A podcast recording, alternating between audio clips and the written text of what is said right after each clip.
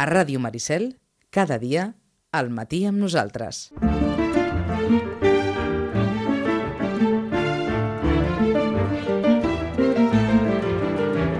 11 i 37 minuts al nostre temps pels llibres, vàries coses. El govern rebaixa del 16% al 4% l'impost sobre els textos electrònics. Per tant, des d'un punt de vista, eh, si ho volen, efectes tributaris, el llibre digital és igual que el llibre de paper aquells que durant aquests dies els arribi a casa seva doncs, els habituals fulletons de, de moltes empreses, fulletons publicitaris d'articles electrònics, ara a tots els fulletons també hi ha eh, doncs, la qüestió de, del llibre electrònic. Això per un costat, eh, en un altre, eh, segurament per, per aquest Nadal, una bona recomanació per qui encara no hagi començat a llegir-ne, és un estuig amb la trilogia de Millennium de Stieg Larsson, els homes que no estimaven les dones, la noia que somiava un llumí i un bidó de benzina i la reina al Palau dels Corrents d'Aire, trilogia de Millennium, també molt pensada per aquestes festes de Nadal, i ara acabem de, de mirar-nos, apareix en el, en el suplement de Cultures de l'Avantguàrdia, una edició, el que passa que és en, en castellà, el llibre, però,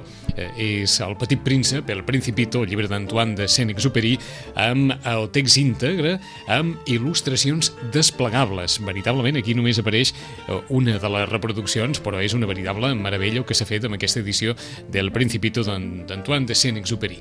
Rosana, bon dia, bona hora. Hola, molt bon dia. Quantes, Però Vicenç, digue'm. Llegeixin en català també el tenen. en Ah, sí? català, Eh? La Ah. mateixa edició, sí, sí. Escolta'm, això, pel que veig a la foto, això és una preciositat, eh? Sí, sí, és, és un... s'ha fet un esforç, la veritat, és, és una preciositat. Saps? És d'aquells que, evidentment, no per nens, perquè Mhm. les, les manetes no estan fetes per això, però és una preciositat, sí. D'acord. El text és, bueno, és el, el, El clàssic de tota la vida. Ah, Exacte, sí, amb els dibuixos també de tota la vida, però, uh clar, la gràcia és que és, és d'aquests llibres pop-up, eh? és a dir, d'aquells llibres que els obres i, esclar, bum, t'apareix, per exemple, doncs, el Principito la Rosa, que amb Guineix, no Mhm. veus, o sigui... Eh, anàvem, a fer, anàvem a fer un incís aquí, perquè si alguna cosa pot justificar l'edició del llibre en paper, és això precisament aquest tipus, els llibres pop-up, o sigui, els llibres dels quals n'apareixen aquestes il·lustracions en tres dimensions i s'estan fent veritables meravelles en, en aquest àmbit editorial. Eh? Sí, sí, la veritat és que sí, i bueno, n'hi ha un altre que és més escatològic també, que a mi m'agrada, és un Mm. llibre que ja fa anys que se- s'està editant, Sí. en castellà i en català, però que aquesta vegada també, eh, mm, només hi ha edició en castellà en, en tema pop-up, que és un que és el talp que volia saber qui li havia fet allò al cap. Eh? Mm. És un talp que és que quan surt de, del seu cau, diguéssim, Sí. li cau una caca al cap, eh? i llavors va buscant a veure de, de quin animal ha pogut venir això, eh? Llavors, clar, és, ja et dic que és més escatològic Sí. en aquest sentit, però els nens es diverteixen moltíssim, no? Van coneixent qui, quin tipus de- d'excrement té cada, cada, Mhm. cada animal, eh?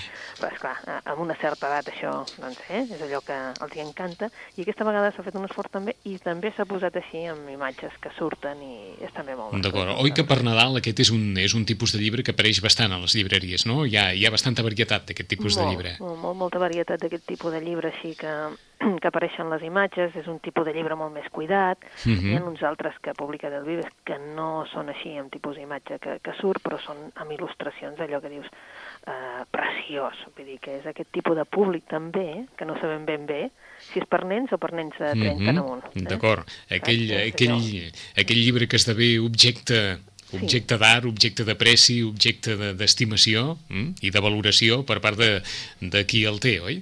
Sí, sí, sí. Són, hi, ha, hi, ha, hi, ha, hi ha bastantes editorials que s'estan dedicant també amb aquest tipus de llibres. Sí. Hi ha alguns que decididament són per adults, no? Mm. però que són, en comptes d'aquest amb tres dimensions, són amb il·lustracions precioses. No? D'acord. Des de Nòrdica, que s'està dedicant a, a fer doncs, llibres molt diferents, a, a Zorro Rojo, eh, Mm. que per exemple ha fet una edició dels, quadern, eh, dels contes complets del Poe, que mm, són una meravella, saps? Allò que dius, mm, Val la pena. val la pena, no? Fer, fer, un, que- fer un cop de cap, eh? Sí, i a més a més eh, és que sí que és veritat que són llibres de regal, eh? Sigui Mhm. que allò que dius, bueno, són gent que, que apreciarà el regal, no? I llavors, doncs, és, veritat que cap a Nadal sempre surten molts més aquests tipus de llibres. D'acord, aquest tipus de llibres que justifiquen allò que dèiem, eh? l'edició en paper, el llibre com a llibre, sí, eh, tradicional eh, justifica plenament amb edicions d'aquesta categoria. Sí, aquests és que els, els has de tocar. Eh? Això mateix. I, i, I veure com es despleguen aquestes tres dimensions i aquests relleus,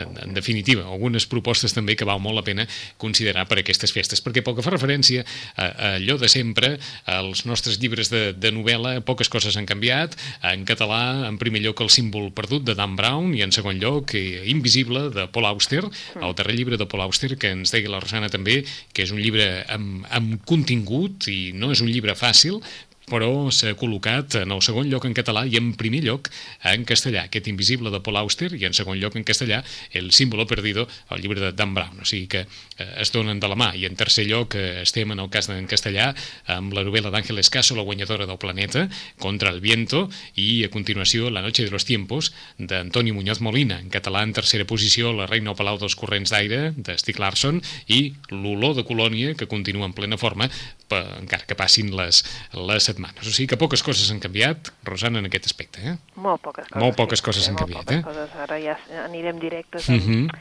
Bueno, eh, també hem de dir que, esclar, ja ho has dit tu, aquesta és la llista dels més venuts, això no vol dir que, que cadascú no s'està comprant coses molt diferents, però sí que és cert que aquests són els llibres allò que dius, bueno, quin, quin serà el més venut, Ahà. evidentment, el, el símbol perdut. El Dan Brown serà el que perquè hi ha molta gent no? que s'està esperant i és el típic eh, llibre que dius, home, no sé què regalar-li, però vull que s'entretingui una estona, Uh -huh.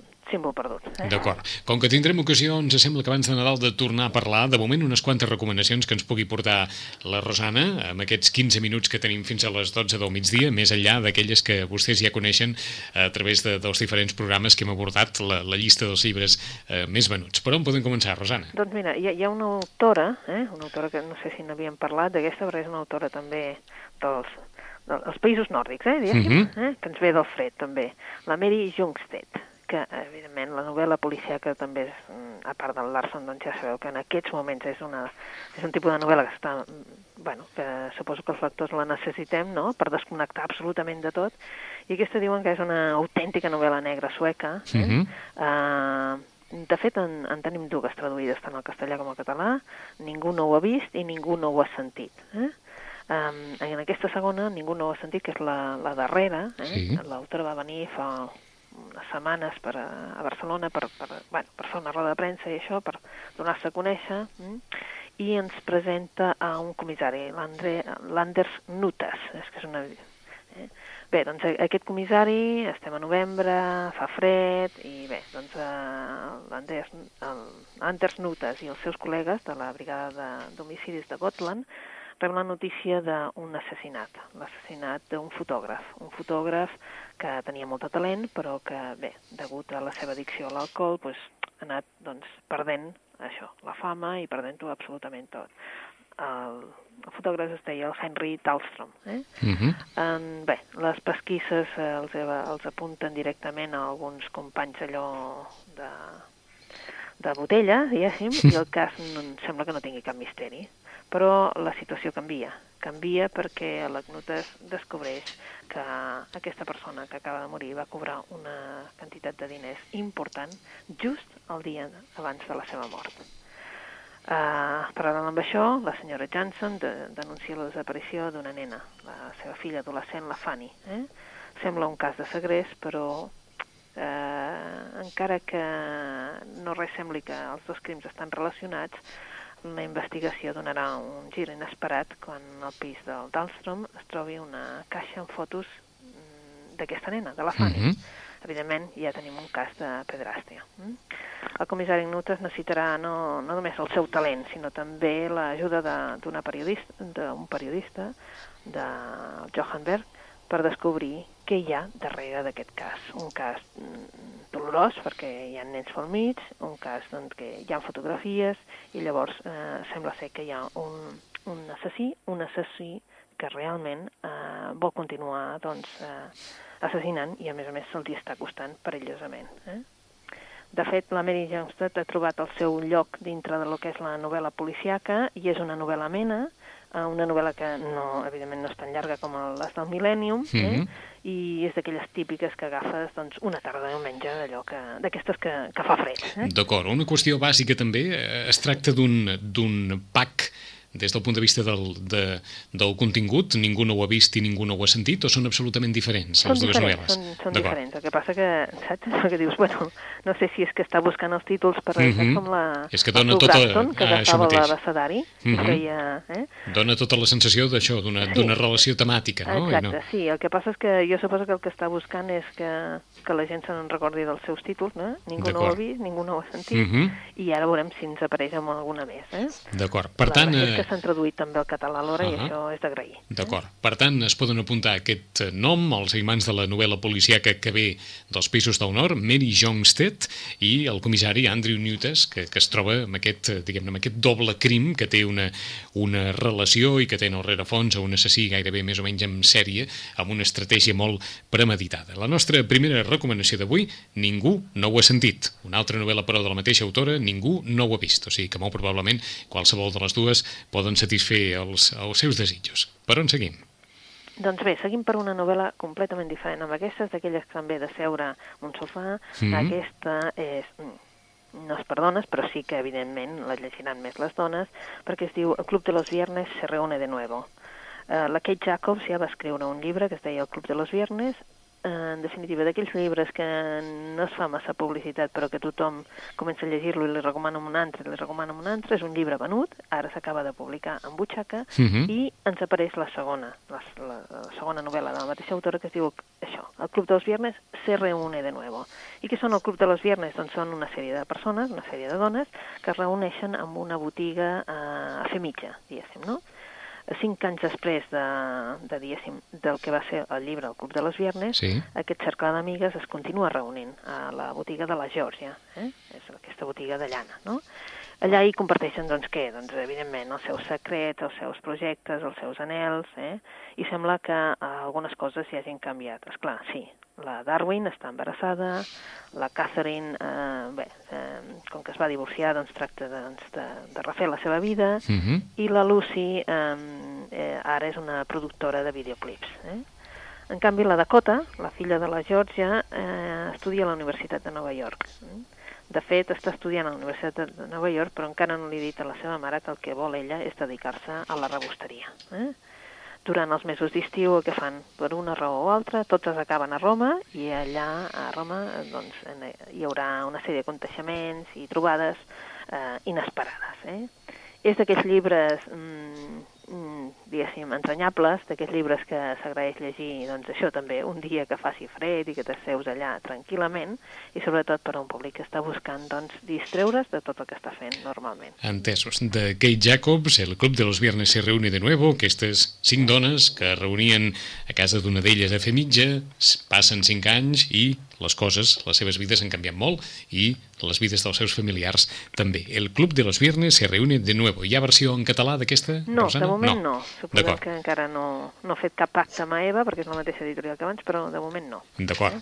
Anem per la tercera recomanació d'avui. Bé, doncs, mm, una novel·la curteta, malgrat que és el Valerio Massimo Manfredi, eh? Uh, per aquells que els agrada la novel·la històrica i que, bé, que ja han llegit el Santiago Posteguillo, que és aquella trilogia, que és la que està tenint èxit, etc etc. Mhm. doncs els recomanem aquest de Los idus de marzo. Eh? De fet, tampoc no hi ha de moment traducció al català. Eh? Era aquell, aquella frase, guárdate de los idus de marzo, Mhm. que era aquella advertència que li va fer l'adiví a Julio César. Eh? Un presagi del que li havia de passar. Eh? El complot, de fet, ja estava pensat i els conspiradors estaven decidits a donar aquest cop fatal. Eh? Mm, tampoc les paraules d'avís de l'adiví van ser les que va escoltar el César en aquests dies mm, abans de l'assassinat. Però, clar, ell estava tan confiat de tot que, de fet, no va escoltar absolutament res. Eh? Mm, sembla que doncs, la mort de César era una mort bastant anunciada. Mm? Aquí de què es parla? Doncs aquesta conjura que va acabar amb la vida de Julio César. Eh? És la crònica d'aquelles 48 hores anteriors al, Mhm. al diguéssim, a l'assassinat de, de Julio César. Vaja. Eh? Un assassinat doncs, que havia de canviar doncs, tota la història. Eh? Des de César a Pòrcia, des de Ciceró fins a Bruto. Eh? Um, tots aquests personatges eh, bueno, tenen un paper no? dintre de la trama que, bé, que ja es veu que és això, una tragèdia grega, en compte, malgrat que Mhm. ells són romans. Eh? Vaja, em sembla que no sabia... Bé, no, no sé si feia molt de temps que no havíem eh, abordat novel·la històrica relacionada amb l'antiga Grècia. No, no, no, que no? dir que és... és, és uh... Diria més enllà de, del, del Jo Claudi, doncs i res, que Roma ens portava a Roma, però, però no recordo jo que, que l'antiguitat... El, això, el César, no?, que és com una... Eh? I tota la tragèdia que va passar doncs, 48 hores Mhm. abans, eh? Ell el que fa en aquesta novel·la és això, les 48 hores abans d'aquest assassinat. D'acord, els deia jo Grècia i estem a Roma, òbviament. Eh, eh, per tant, doncs, eh, més enllà de, del, del Jo Claudi del, del Robert Graves, doncs no, no havíem trobat encara això, no- novel·les eh, molt basades en, en, aquesta, en aquest període històric, i aquí, doncs, aquells que, que vulguin recordar la de tu també, fill meu, doncs ja ho saben. Exacte, exacte. Abans de- paraules eh, que ens ha quedat a tothom. Ah, Això eh? mateix, aquella, Doncs, aquelles, aquelles paraules de- d'aquella escena clàssica de Marlon Brando Sí. fent, de, fent de Juli César, doncs eh, aquí, aquí ho tenen. Los idus de marzo, novel·la de Valerio Massimo Manfredi, a partir d'aquella frase de de l'home que preveia el futur, que va advertir a Juli César que s'estava plantejant quelcom contra ell i, per tant, la novel·la narra aquestes 48 hores anteriors a l'assassinat de Juli César.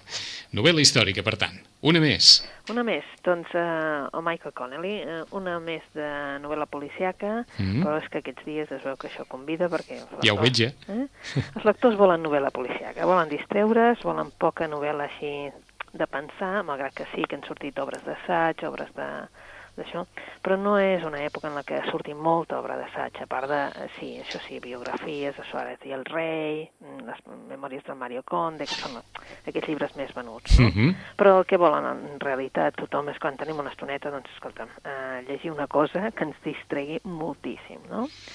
Eh, hi ha l'altre públic que el que aprofita doncs, és per llegir novel·la clàssica, això també ho hem de dir, eh? Però bé, eh, parlem del Michael Connelly, aquell autor que, doncs, que és, és com, com si diguéssim addicte a venir a Barcelona, que ve bastant sovint, i que el que fa és doncs, fer el personatge aquell del Harry Bosch. Eh?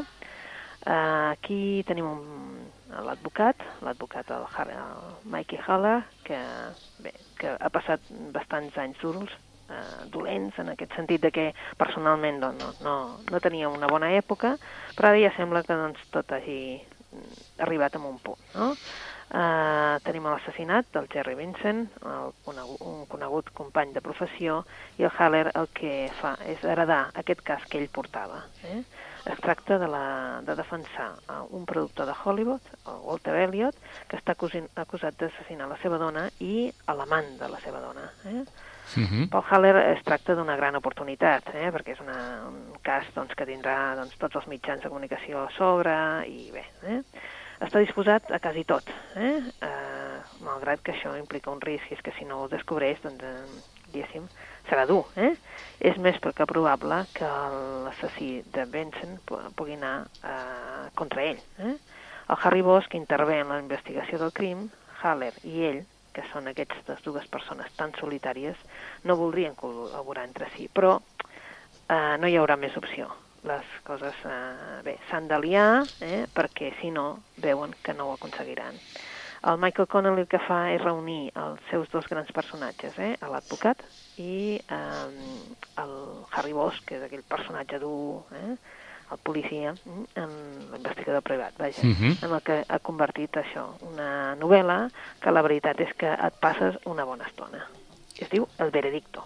El veredicto El Veredicto. de Michael Connolly, la història que barreja l'advocat Michael Haller amb l'investigador privat eh, Harry Bosch a l'entorn de l'assassinat d'un company de professió de l'advocat que estava treballant en el cas a la vegada d'un assassinat succeït a Hollywood i per tant diguem-ne que l'advocat hereta el cas de, del seu amic i el posa diguem-ne al punt de mira de tots els mitjans de comunicació. El veredicto de Michael Connolly. Ens agradaria també comentar-te res en, en un minut. Havíem parlat del, del darrer llibre d'Esther Tusquets, de Confessiones d'una vieja dama indigna, No sé si n'havíem parlat. Si perquè no hem, vi, hem vist que està parlat, a dalt de tot de, dels llibres de- d'assaig en castellà.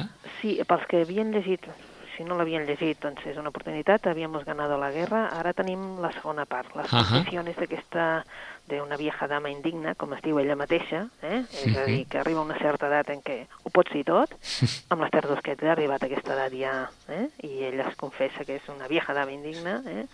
Um, bé, perquè és que és una frase que ella anava dient sempre en privat, no? Estava sent una vieja dama indigna. Uh -huh. Llavors, és el moment de fer el que vulguis i dir tot el que, que penses. Eh? de fet, eh, la Tusquets, l'Ester Tusquets, en, eh, ha escrit un llibre en el que diu el que pensa. Eh? Eh, a mi em va agradar molt Havíamos ganado la guerra, eh? Sobretot com a retrat, eh? Sí. i com a retrat d'una societat en concret, eh? a part alta de Barcelona, eh? això no ho l'oblidem. Aquest és un llibre insòlid, no? perquè, bé, perquè ens presenten tot un munt de gent, eh, evidentment tota la gent aquella que, que acostumava a anar al bocatxo, per sí, entendre'ns, eh? Mm, i ho fa d'una manera molt natural. Eh, uh -huh. O sigui, la gent de la Goix Divin.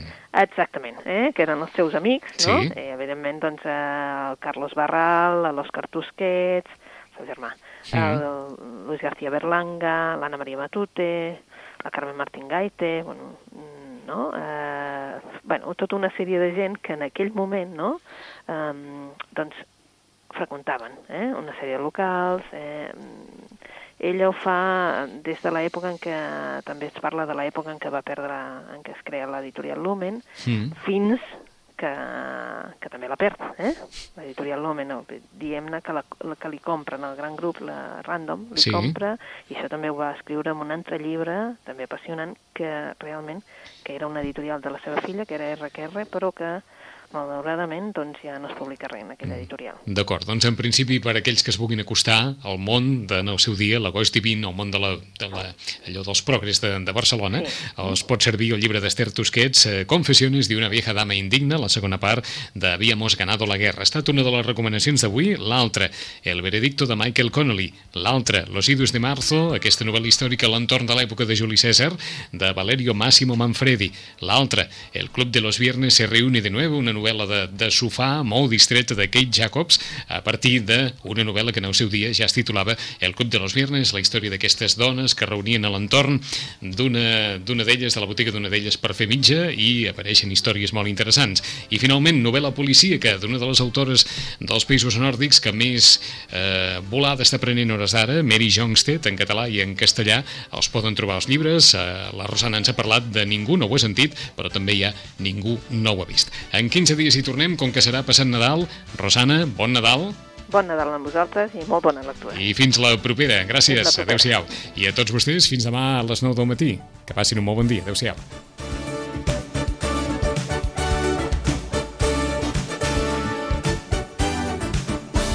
A Ràdio Maricel, cada dia, al matí, amb nosaltres.